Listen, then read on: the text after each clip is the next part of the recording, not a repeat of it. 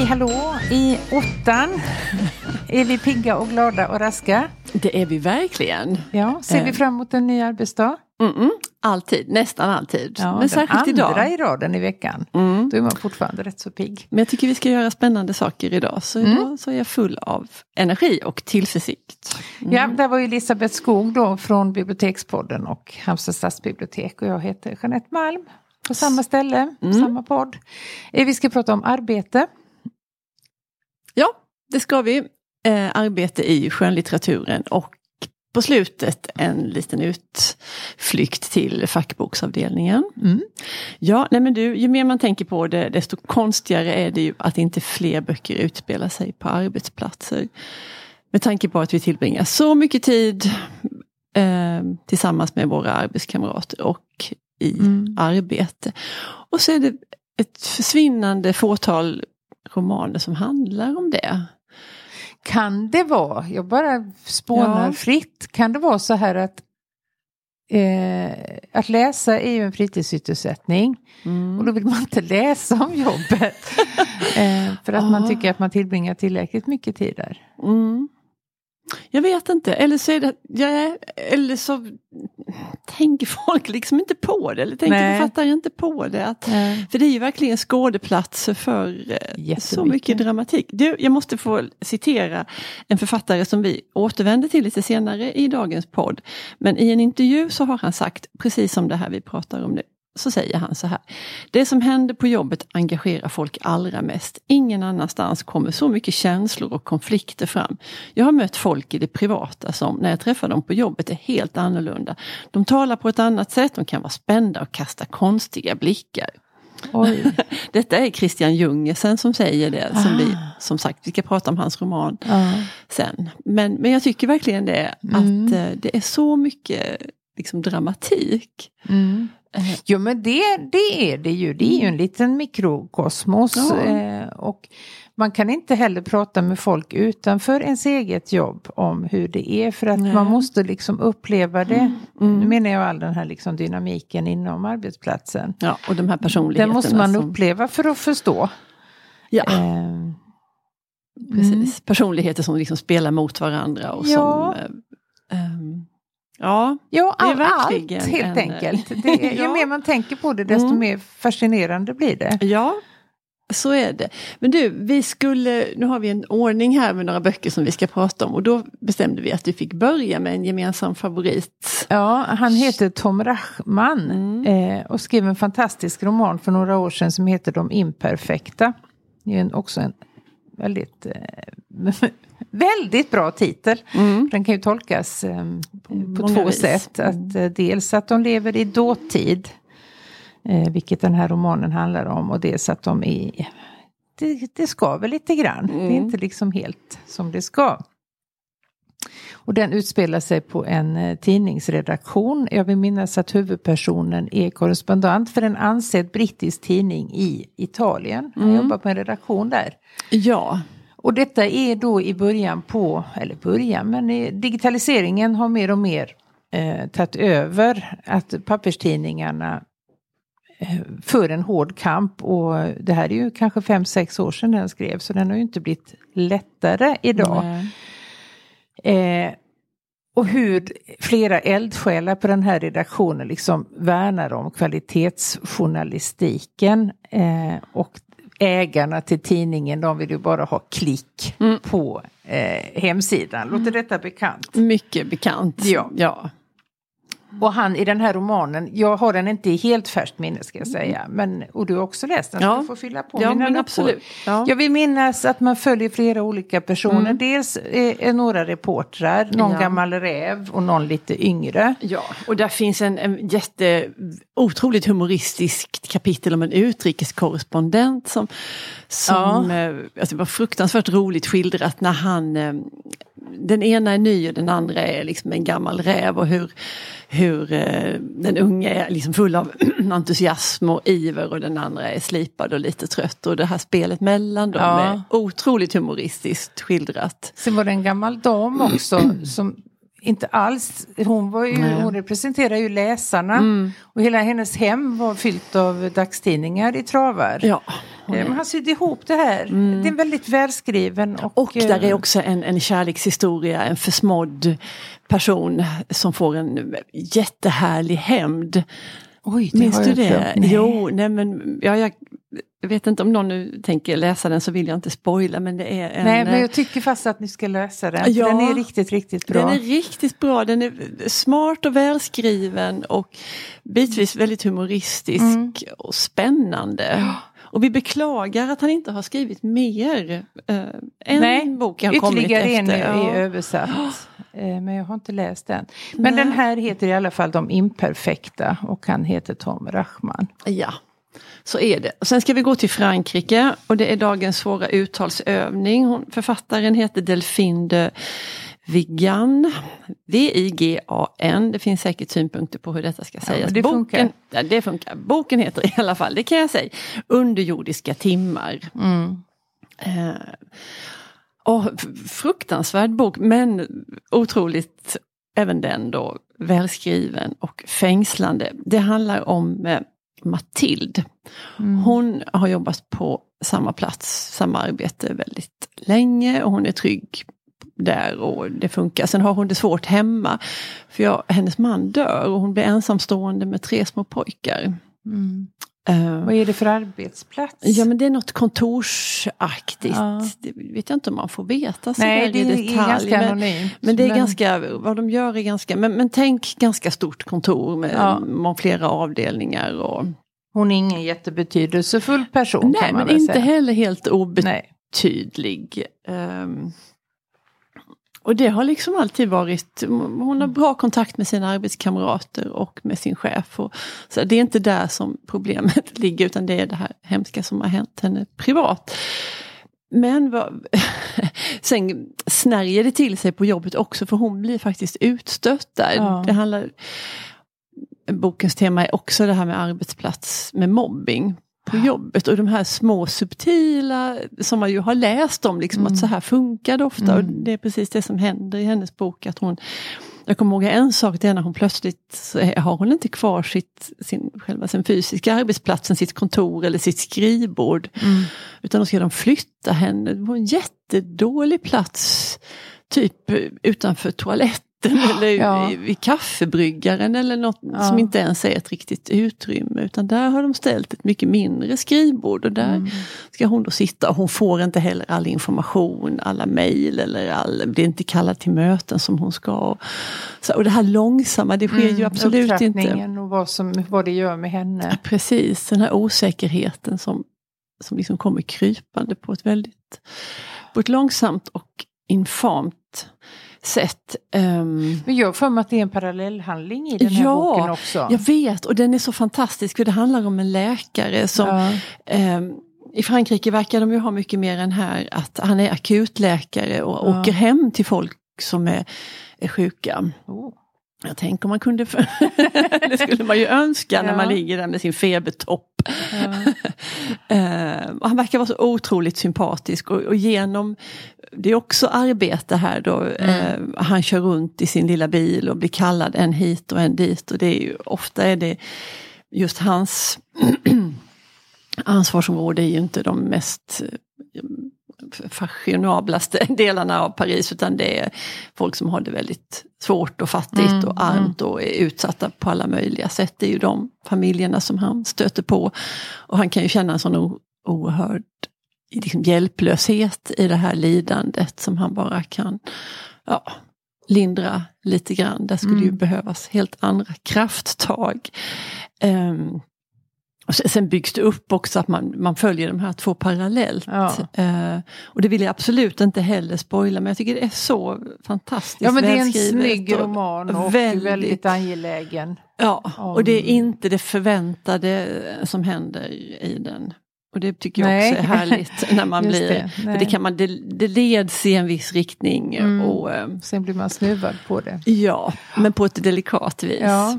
Ja, det var Nej, men hon är överhuvudtaget en väldigt bra eh, Mm. författare som Ja. är översatt flera titlar i alla fall. Ja, så är det. Ha, vad ska vi gå sen? Nu ska vi gå till den Ska vi här gå till Danmark? Ja, till Mm. den här Jungersen som jag var tvungen att citera där i början. och hans Ja. bok Undantaget. Och den eh, handlar också om mobbing på arbetsplatsen. Eh, men eh, beskriver också väldigt väl mekanismerna där Mm. i eh, relationer mellan personer som inte har valt varandra. För det är ju det som Nej. är grunden till det hela. Precis. Man, man, eh, allt annat har jag tänkt på.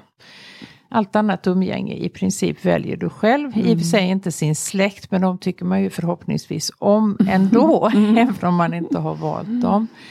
Eh, Men på jobbet så tvingas du ju faktiskt samarbeta med personer som du verkligen inte har Nej. någonting eh, till övers för kanske. Eller Nej. gemensamt Nej, med. man har ju i alla fall inte valt dem och tycker man om dem så är det ju mer Ja, tur det ju lyckoträff. Ja. Men eh, det sätter ju ens smidighet på prov ibland. Mm. Eh, och i det här fallet så jobbar de med väldigt brännande frågor. De är, det är någon krisorganisation Ja, för du, är krigsoffer, Ja, Danskt centrum för information om folkmord heter folkmord till Ja. och med. Ja. Och de är inte så många, de är Nej. fyra kvinnor vill jag minnas. mm. Och en av dem då blir då utsatt för eh, kraftig eh, mobbing av de andra tre. Mm.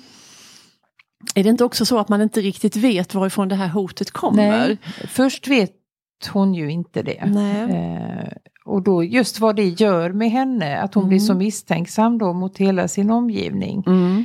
För hon får väl anonyma brev. Och, Ja men precis, och lite just sånt. det där att de jobbar på ett sånt ställe, liksom information om folkmord, det finns ju mycket politiska Ja. liksom, intressen och spel bakom så att det skulle mycket väl kunna vara eh, någon Mm. representant för någon fraktion någonstans. Det hade gjort det mycket enklare Ja. för henne att ta. Precis, men det är också så liksom, skickligt gjort av författaren att man inte vet det. Nej, Vad är precis. detta hotet? Och att den, Mm. Det är ju spännande, den är ju som en thriller. Ja det är den. Det är den. Jag läste den och tyckte den var så väldigt bra. Jag vet att jag länge efteråt höll utkik efter den här Jungersen. Tänker han måste Mm. skriva något nytt. Mm. Eh, men det vet jag inte om han har gjort. Nej. Jag läste lite om den nu och det var också tal om att den skulle, för den blev verkligen en sån supersuccé, den översattes ju till jättemånga språk. Ja. Och han fick ganska omgående så fick han också erbjudanden om att de ville göra en film av den. ja, kan jag tänka mig. Eh, och då svarade han på det att nej, men vänta i alla fall till den är översatt till engelska så att ni vet vad ni har att ta ställning till. Ja. Eh, sen vet jag inte om det blev någon film. Men det är ofta sådär med att det tar fruktansvärt lång tid. Ja, för den har ju några år på nacken. Ja, det har den. Eh, jag tror den kom 2006, Kan jag tänka mig. helt Mm. enkelt. Eh, ja, Nej, men alltså, det det är socialpsykologi på något sätt, är det inte det? Mm. Mellan de här arbetskamraterna. Jo, och sen det här att det, hur det börjar eh, tycker jag är så himla intressant. För att det är sådana här små, små saker som inte går att ta på, som du bara känner. Mm, mm. Men du skulle inte kunna uttala det högt för då skulle de eh, som Nej. man då konfronterar bara säga nej men eh, jag förstår inte vad du pratar om. Mm. Eh, det är så subtilt. Och sen när det väl, sen gör det ju någonting med den utsatte som gör att du helt tappar liksom tron på dig själv Mm. och självförtroendet. Du, du blir kanske, alltså det leder ju till självmord, det är Mm. inte alls ovanligt. Det var ju något fall där arbetsgivaren faktiskt blev dömd för, det var någon socialsekreterare Ja, i Mjölby eller någonstans, jag kommer inte ihåg. Mm. Eh, där arbetsgivaren faktiskt blev dömd för att eh, den anställde tog livet av sig efter Mm. långvarig mobbning. Ja. Sen läste jag en annan bok som vi inte har med på vår Mm. manus men i allra högsta grad handlade om arbetsplats men inte om den här utsattheten som vi har pratat om. Och det är Måns Wadensjö, Monopolet, Mm. som kom kanske förra året. Den är ganska ny. Ja, Eh, ganska ny och den utspelar sig på Systembolaget. just det. Eh, och den är, han måste verkligen ha jobbat där, eh, Wadensjö, för det är en otroligt initierad Ja. skildring av arbetet bakom, man, man går ju bara in där och tar sin flaska, Ja. men det är mycket bakom kulisserna och Mm. mycket med det är så otroligt tungt arbete och allting ska liksom frontas och skyltas Ja. och det ska, Ja. det finns en, en eh, tävlan mellan olika systembolags butiker om att liksom ha den bästa butiken och det Mm. till och med prisbelönas och sådär. Och det han beskriver de olika kunderna och hur det är att sitta i kassan Mm. och vilka olika typer av kunder och sådär. Den är, den är faktiskt jätteintressant. Jag tycker alltid det är så kul att få en inblick i någon Ja. annans Ja, ja, eh, värld. Där jag känner till världen men jag förstår liksom inte Nej, man har bara sett den ena sidan. Jag har bara sett den ena Ja. sidan och sen få äh, andra. Det, det tyckte jag var intressant. Och lite, man får en annan blick nästa gång du kommer Mm, in på mm, Systembolaget. Så tänker man, ja, Ja, men, ja, verkligen. Så tacksamma miljöer ändå Mm. och skildrar. Eh, precis. Slutstumpen av det här citatet som jag läste innan av just av Christian Jungersen där han liksom säger att att det är så konstigt att inte det skrivs mer. Det, den är så här, det är märkligt säger han att de flesta författare envisas med att skriva om familjeliv och uppväxt istället för det som händer på arbetstid. Eh, Jag tycker det ligger så mycket i det. Tänk att skriva en bok om vår arbetsplats, Ja, men det tänker jag ofta. Ja, det tänker jag Herregud med. vad man samlar på sig Mm. egentligen. Mm, och det är just precis det där vad som händer liksom utåt, eh, Ja. yttre och sen det här Ja. på insidan. Och, ja, det får vi göra när vi har gått i pension, kan vi göra det ihop. ja. Vi får se. Mm. Om vi inte börjar spela bridge. eh, nej men eh, man kan inte prata om arbete utan att prata om Roland Paulsen anser jag. Mm. Han är Tänkte nog det. ung man, eh, doktor i eh, sociologi och gjort sig känd som en ganska kontroversiell kritiker av det här arbetssamhället. Så han har skrivit flera böcker men den jag tänkte prata om den heter faktiskt Arbetssamhället och den kom redan 2010 första Mm. gången.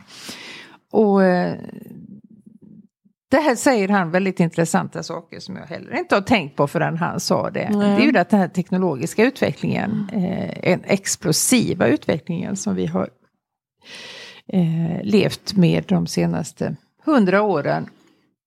Som medför att det som på början av 1900-talet krävde tio människors arbetsdag kan Mm. idag produceras av en person. Mm. Ändå jobbar vi mer än vad vi någonsin kanske har gjort under hela historien. Och det finns det här med arbetslinjen, det drivs, det är heligt, det får inte ifrågasättas. Nej. Pensionsåldern ska höjas.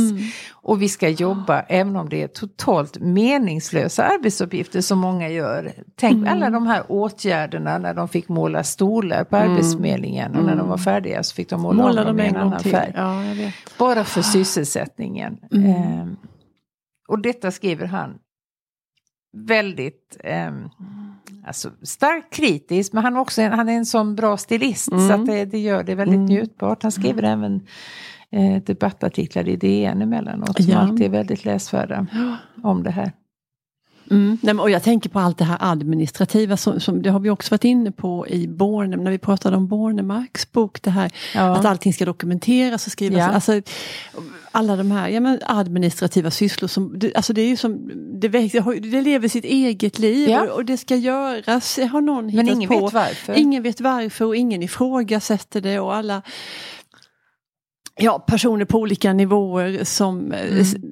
som tidigare gjorde andra saker som nu bara sitter och, och, och ska dokumentera. Så du har inte tid med den verkliga Man har inte tid med, med det som är viktigt och det som sker, Mm. liksom det som är själva jobbet utan det är allt det där runt omkring. Och det är ju människor både inom vården och inom ja, utbildningsväsendet och Ja. även inom vårt skrå har jag en stark känsla av att Ja. det är Men är det är så nyttigt att få de där eh, utifrån blickarna Mm. och eh, rösterna som säger liksom att de tar lite grann fjällen från ens ögon för det är svårt att se saker som du är så in, i- Mm. insyltad i. Ja. Så att man, eh, Och, och ingen, ingen säger det här liksom, men om vi struntar i att göra det här, vad Ja. skulle hända då? ja, Ingenting. nej. Mm. nej.